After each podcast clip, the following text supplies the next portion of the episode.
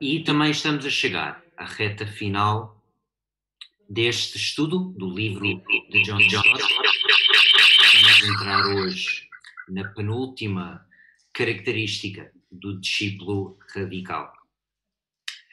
E só para ajudar-nos a lembrar, porque uma das características deste estudo é a não seletividade dos aspectos do discípulo. Porque, infelizmente, reconhecemos, nós, os seres humanos, temos esta tendência que, às vezes, nós gostamos de certos aspectos, não gostamos de outros, e, por isso, jogamos um pouco.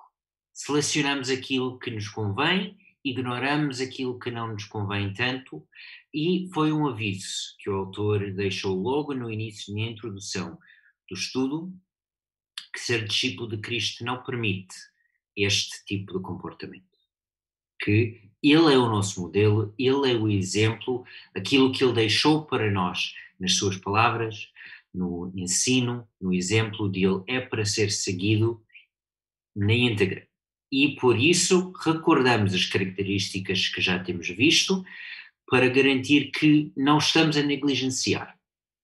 E a primeira característica foi estar fora do padrão do mundo, que implica ir contra a nossa cultura em alguns aspectos. Isto para ser cada vez mais semelhante com Cristo, seguir os seus passos, seguir o seu exemplo, que vai nos levar para a maturidade, de crescer, de chegar a uma fase em que não nos falta nada de essencial, de deixar para trás aquela fase inicial da vida cristã. Isto implica também cuidar da criação, que temos responsabilidades perante este planeta, perante o meio ambiente, que isto também afeta muito, não só a nós, mas as outras pessoas e os outros uh, seres vivos que, que têm lugar neste planeta, que isto também é um assunto essencial que é muito ligado à característica de simplicidade. Algo que é muito mais relevante para nós do, do mundo ocidental, onde tem mais recursos, mas onde também há muito desperdício. E onde nós devemos procurar viver uma vida simples para poder maximizar o nosso impacto eterno, poder ajudar aqueles que necessitam da nossa ajuda mas também de investir na eternidade, no evangelismo, nas missões e de garantir que o nosso estilo de vida é algo sustentável para passar isto para a próxima geração. E isto leva-nos para a característica que estudamos ao longo dos últimos dois domingos, o equilíbrio, que é muito importante. Não haver exageros, também não haver deficiências ou áreas que são necessárias, mas que não cultivamos. E ao longo de um estudo do, do, da primeira carta do apóstolo Pedro, nós vimos seis características que devem nos ajudar a procurar este equilíbrio. E a penúltima característica apresentada pelo John Stott é esta sétima, dependência que vai nos levar a cultivar humildade genuína. Agora, dependência é um assunto um pouco desconfortável, pois é algo que é uma realidade universal. Todos nós, quando entramos nesta vida, somos totalmente dependentes. Um bebê depende para tudo dos pais, para comer, para mudar a fralda e nós notamos que as crianças, com o passar do tempo, cada vez mais querem fazer as coisas por eles próprios. No início são os pais que têm que pôr a comida na boca da criança, mas chega um dia em que a criança pega no garfo ou no colher, ou seja, o que for, e quer pôr, não aceita mais a ajuda dos pais e quer pôr na própria boca. E talvez, primeira semana, primeiro mês, 90% da comida vai parar ao chão em vez de entrar na boca. Mas é sim é este não, eu quero tentar fazer isto por mim próprio, é esta iniciativa, é este instinto que faz parte do ser humano, que depois torna a criança independente. E depois é isto que custa, quando muitas vezes a pessoa chega à fase final da vida. E, é, infelizmente, é, é o processo natural da vida que, quando chegamos àquela etapa final, que voltamos a ficar dependentes da ajuda dos outros. Coisas que passamos décadas a conseguir fazer sozinhos, perdemos a capacidade de fazer. O próprio autor foi o último livro de Stott. Ele terminou o livro com 89 ou 90 anos, faleceu com 90 anos, um, e ele contou um episódio onde ele teve uma queda, onde ele partiu uh, ou deslocou a anca e ficou totalmente dependente dos outros. John Stott nunca casou, mas teve o cuidado de montar um sistema em casa onde ele conseguiu pedir ajuda, onde os amigos vieram e passou muitos meses no hospital, necessitava de, de fisioterapia e contou com muita franqueza que aquilo mexeu com ele. E esta realidade é universal. Todos nós entramos na vida assim e muitos, na etapa final da vida, também voltam a passar por esta fase de dependência. E eu vejo isto na minha própria família.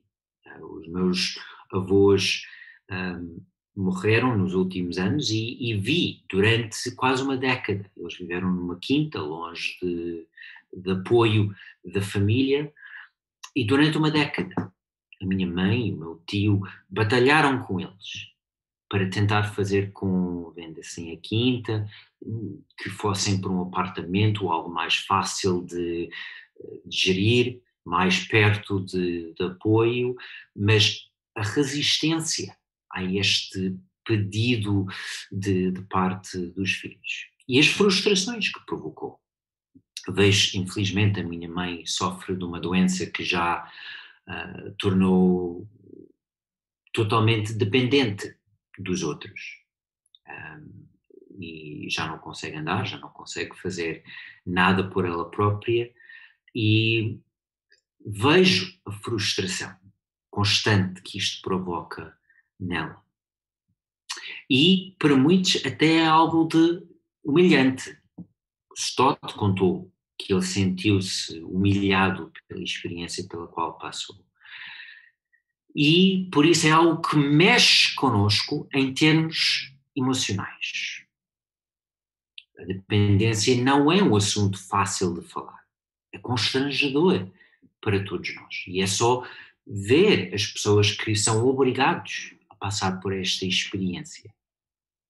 O quanto é que mexe com cada um e por isso é, para quase todos, por uma questão de instinto, algo a evitar a todo custo. Então, se nós vemos que é esta realidade de vida, é esta experiência de, de quase todos, ou a experiência mais comum, que é algo frustrante, que é algo humilhante, que é algo emocionante, que é algo para evitar, como é que o autor ele próprio sentiu-se frustrado e humilhado e ficou emocionado, e ele, vindo de cultura anglo-saxónica, uh, chorar é algo que, especialmente para um homem, é, é para evitar. Mas contou neste capítulo vários episódios onde esta experiência mexeu com ele e onde ele não conseguiu parar as lágrimas então, se esta experiência é uma experiência tão forte, mexe tanto com a estrutura da pessoa, como é que é algo que ele apresenta? Esta coisa que o ser humano evita instintivamente é indicado como uma marca do discípulo radical. Se mexeu tanto com o autor, se nas nossas famílias notamos que mexe tanto com as pessoas, como é que isto é algo, se nós evitamos, como é que pode ser uma marca do discípulo? E aqui vale a pena perguntar, porque a, a linguagem de dependência, ou seja, semântica, é algo que é relativamente comum no mundo cristão. É uma realidade. Nós falamos, nós somos dependentes de Deus. Mas a pergunta é: isto é só palavreado? É só semântica? Ou isto é mesmo para ser uma realidade? Será que é algo que é refletido pelo nosso comportamento, pelas nossas posturas, as nossas atitudes? Ou será que é algo que é só aquela linguagem que nós utilizamos? Pois esta experiência, quando entra na vida e nós não temos a capacidade de evitar, é algo que mexe connosco, é algo que procuramos evitar. Então, se isto é para ser uma realidade da vida cristã, é algo que não nos vem facilmente. É algo que não pode ser cultivado de modo mais fácil. É algo que custa. Então é algo que vale a pena contemplar. E é preciso afirmar que a dependência foi uma realidade que foi vivida, foi atestada por Jesus. Jesus, o nosso mestre. Lembramos, este relacionamento de discípulo implica ter o mestre, seguir o exemplo dele, os passos dele, aprender com ele. Então, se foi uma realidade na vida dele, e vemos várias vezes durante os Evangelhos, que Jesus, antes de escolher os dois apóstolos, saiu, passou uma noite inteira em oração. Mas se ele é o Filho de Deus, por que é que ele precisa passar uma noite inteira em oração? Nós notamos esta dependência cultivada, real, de Jesus para com o Pai. Encontramos também no Evangelho de João vários episódios onde ele diz: Eu não faço as coisas por mim só. O que o Pai faz é isto que eu faço. Eu não faço a minha própria vontade, eu faço a vontade do Pai. Então, se isto é uma realidade, que, tanto nas ações como nas palavras de Jesus, nós encontramos. E foi algo que ele viveu plenamente, não apenas como algo que se diz e não faz. Então, não tenham dúvidas.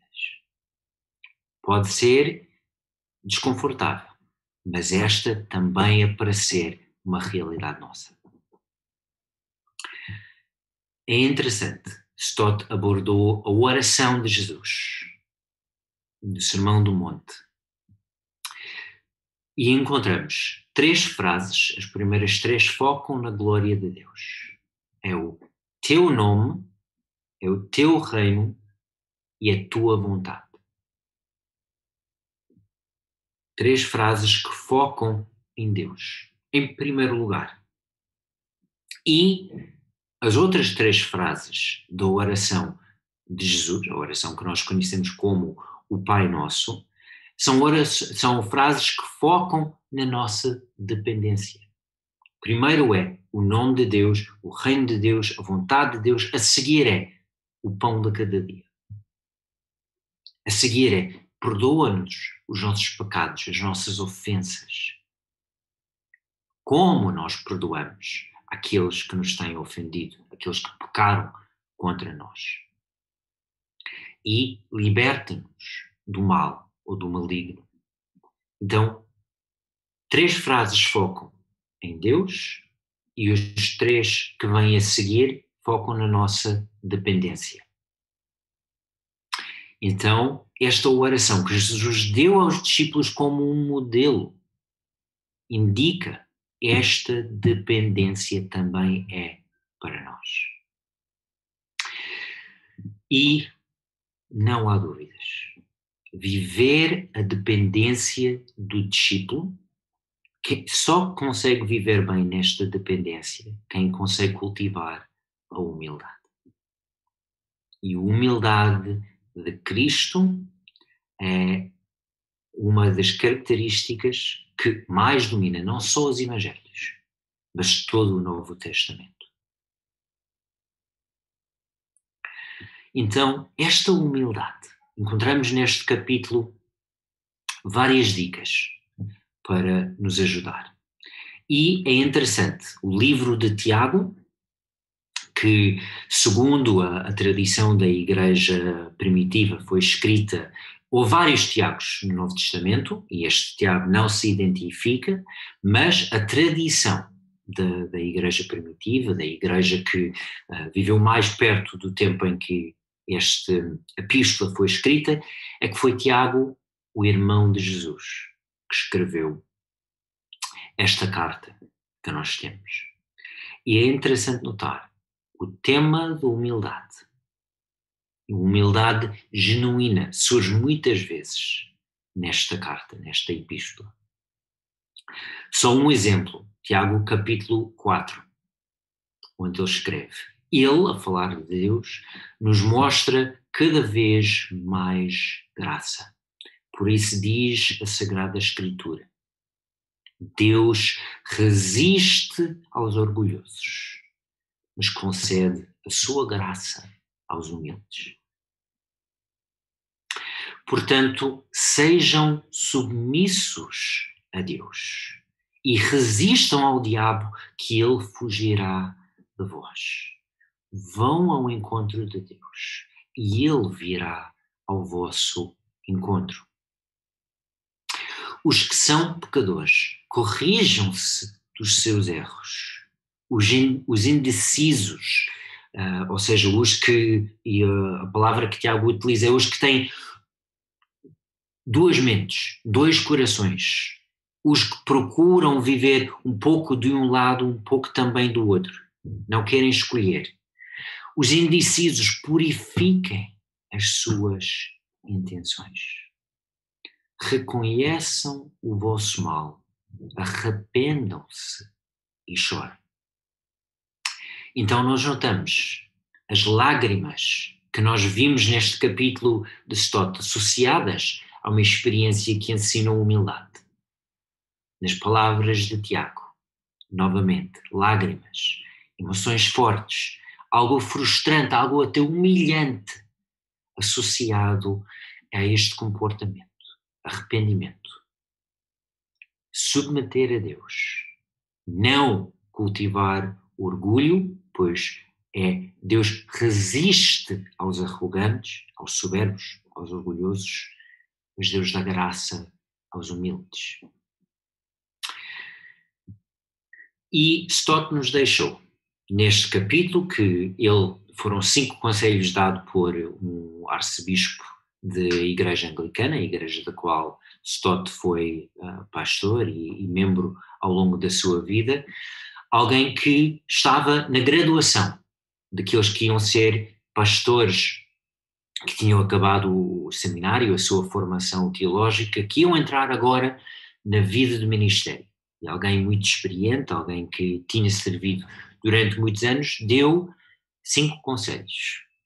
E os cinco conselhos que deu àqueles que iam formar, que iam entrar na vida do ministério, foram precisamente à volta deste tema de humildade.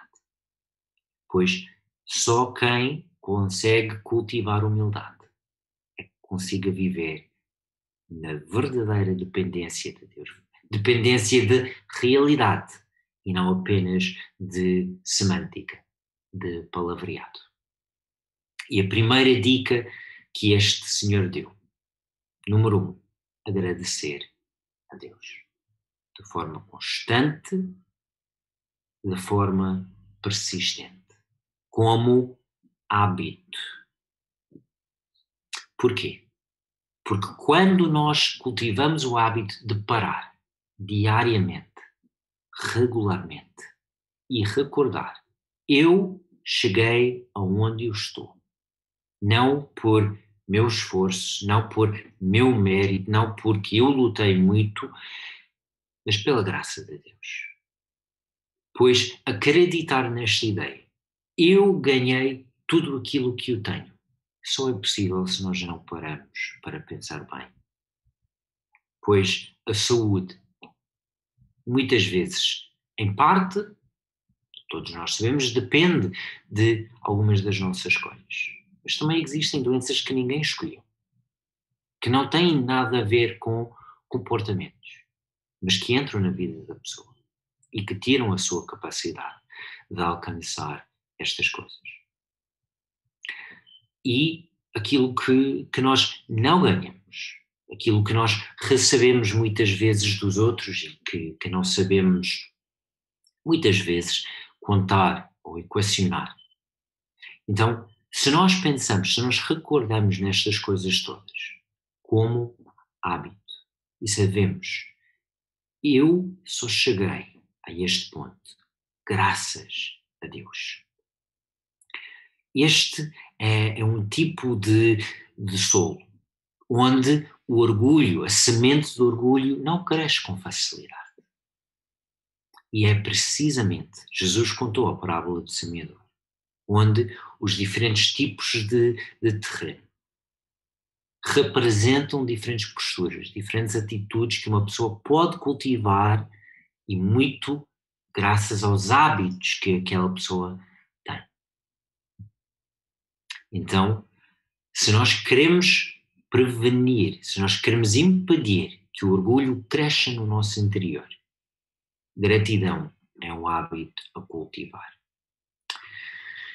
Em segundo lugar, a confessar os pecados, que implica arrepender, e arrepender implica mudar de percurso. Implica não apenas dizer, ah, desculpa, e continuar a fazer o mesmo.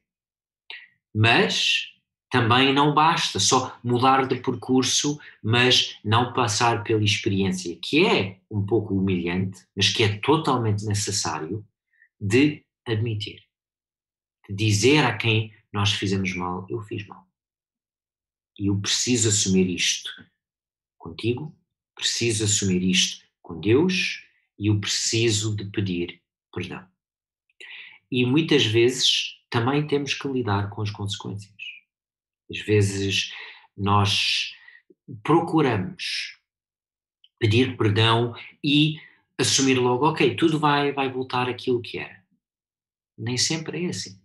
Muitas vezes, quando nós magoamos o outro, quando é o outro que paga o custo, leva tempo e é preciso nós reconstruirmos alguns aspectos do relacionamento. É preciso ganhar confiança de volta. É preciso aquela pessoa ver em nós características que merecem atribuir a confiança a nós de novo. E tudo isto de confessar, de arrepender, de pedir perdão, de lidar com as consequências. É humilhante, mas é totalmente necessário. E só quem consiga cultivar humildade é que vai conseguir viver bem esta realidade. Na tradição protestante, nós não temos o hábito de confessar os pecados, um, que acredito que teologicamente é, é bom, ou seja, nós não precisamos do sacerdote, do padre, para alcançarmos perdão da parte de Deus, isto é, é uma prática bíblica, mas por outro lado, talvez às vezes nós verbalizamos muito pouco aquilo que nós façamos de mal. E talvez nós precisamos equilibrar este, esta teologia que é, que é bíblica, que é certa, de não ter que passar pela via de, do padre, do sacerdote, mas cultivar ao lado desta boa teologia a boa prática. Porque verbalizar, confessar uns aos outros, ter esta humildade de assumir com prontidão os nossos pecados. É algo que talvez faz falta. É, é um hábito muito saudável e é algo que também temos que saber cultivar. A terceira dica ou conselho deste senhor foi aceitar as humilhações. E parece uma frase estranha. O conselho a dar, aceitar humilhação perante a cultura ocidental é uma frase totalmente estranha e até esquisita. Parece estranho ver alguém dizer: não, não, não, não luta contra, aceita. Aceita a humilhação. Mas Se nós vamos aos Evangelhos, é precisamente isto que vamos encontrar no nosso Mestre.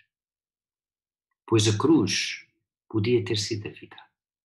Se Cristo tivesse disposto a negociar a vontade do Pai. Algumas mudanças aqui, ali, cedências, mas a missão dele foi passar pela cruz a maior humilhação em toda a história da humanidade. Algo que ele aceitou e aceitou precisamente para alcançar aquilo que acabamos de celebrar na ceia do Senhor o nosso perdão.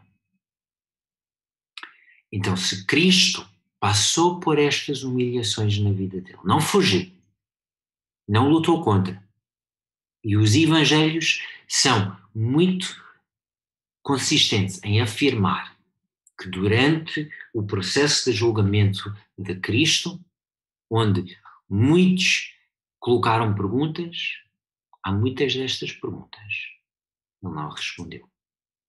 Ou respondeu coisas muito simples, coisas mínimas. Não lutou contra.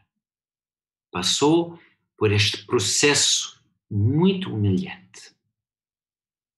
E o, o Stott contou um exemplo de um senhor que ele conheceu, alguém muito humilde. E ele perguntou a esta pessoa: como é que tu conseguiste cultivar esta humildade tão genuína? E o senhor contou que na, na juventude dele passou por uma doença grave, teve que aceitar que as outras pessoas fizessem tudo por ele, dar comida, certamente passou por eh, a questão de, de fraldas e, e, tudo isto, ou seja, foi quase voltar ao estado do bebê. E foi humilhante, mas foi esta experiência que ensinou a este senhor a largar o seu orgulho, abrir mão desta questão da reputação, de, da questão de de, do falso conceito de, de identidade que ele tinha e a humilhação para este senhor tornou-se o caminho para a humildade. Então, creio que é neste sentido que este senhor aconselha-nos quando passamos por uma humilhação. E às vezes na vida é impossível evitá-las. De tirar proveito de saber cultivar humildade e não apenas o orgulho. Quarto conselho, não preocupar com estatutos mudantes, com a nossa reputação. Pois neste mundo o status, o estatuto, se os outros gostam de nós, se aprovam de nós, muitas vezes com uh, as redes sociais, os likes, os seguidores, tudo isto começa a ser contabilizado muito cada vez mais a nossa sociedade, e até há uma economia digital que se movimenta com os likes, com as visualizações, com quem segue, com quem gosta, com quem preocupa com a nossa opinião. E temos que admitir, em muitos aspectos isto vai contra a humildade. Isto estimula um orgulho muito falso, muito traidor. E se nós queremos cultivar esta humildade, esta atitude de Cristo, esta verdadeira dependência de Deus, temos que saber distanciar. Talvez, pronto, cada um é que vai ter que saber como viver neste mundo digital, mas certamente não podemos cultivar esta atitude que vemos muito comum. Talvez podemos ainda estar neste mundo, um, porque temos que saber estar no mundo sem ser do mundo, sem seguir estes padrões, mas certamente é algo difícil. Mas se nós preocupamos muito com estas coisas, é um inimigo da humildade. E a última dica que o Senhor deu, e achei mesmo fantástico, pois é uma dica que eu nunca daria. O quinto, rir. Saber rir da vida. Saber rir das próprias situações humilhantes pelas quais nós passamos. Cultivar um senso de humor, saber rir de nós mesmos, saber rir das coisas parvas que às vezes fazemos, é um hábito que vai nos ajudar muito a não levar a nossa reputação, a nós mesmos, os nossos objetivos muito a sério. E muitas vezes é quem sabe rir de si mesmo que vive melhor a vida, que consegue cultivar esta humildade e uma alegria genuína. Então são cinco conselhos que são difíceis de ouvir, várias delas cada vez mais vão contra a nossa cultura, vão contra aquilo que para nós é o mais instintivo cultivar, mas acredito que estes cinco conselhos têm muito mais da sabedoria do que aquilo que muitas vezes nós procuramos cultivar. Então eu senti-me pessoalmente muito desafiado por estes cinco conselhos. Tenho pensado muito sobre a dependência, que é algo que mexe muito comigo, creio que mexe com todos nós, é algo que queremos evitar, mas que precisamos procurar para viver bem esta vida, para do, dobrar o joelho e aprender humildade agora e não ter que ser humilhado no juízo final. Foi por isso que há uns anos o tema de uma das conferências bíblicas no Instituto Bíblico a estudar Eclesiastes foi tema para que não temas. E parece uma frase que não faz sentido nenhum. Só que quem consegue captar esta ideia, quem teme agora, quem vive esta vida de humildade, quem passa pela humilhação agora e, por isso, vive uma vida com a atitude certa perante Deus, perante os outros. Uma vida caracterizada pelo temor bíblico. Esta pessoa não tem que ficar com medo daquilo que vai acontecer perante Deus no juízo final. Graças a Cristo e graças também a ter assumido a postura indicada pela palavra de Deus. Então, a nossa pergunta final. Vamos admitir, ninguém é mestre de tudo. E só porque eu estou a preparar estes estudos não implica que eu sou mestre em tudo. Longe disto, eu sou a primeira pessoa a admitir. Então, nestes cinco áreas. Há várias delas onde eu disse a mim próprio esta semana, onde até abri um caderno que eu tenho para anotar orações e, e coisas onde eu quero passar mais tempo intencional, intencionalmente a melhorar, escrevi alguns destes pontos. E talvez seria saudável cada um de nós pausar, tirar uma pausa esta semana e dizer em qual destas áreas é que seria estratégico, é que seria inteligente, é que seria um bom investimento espiritual.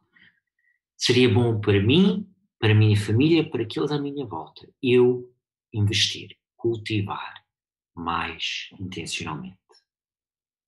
Agradecer a Deus, confessar os pecados, aceitar as humilhações não preocupar com estatutos mundanos e saber rir e cultivar um senso de humor.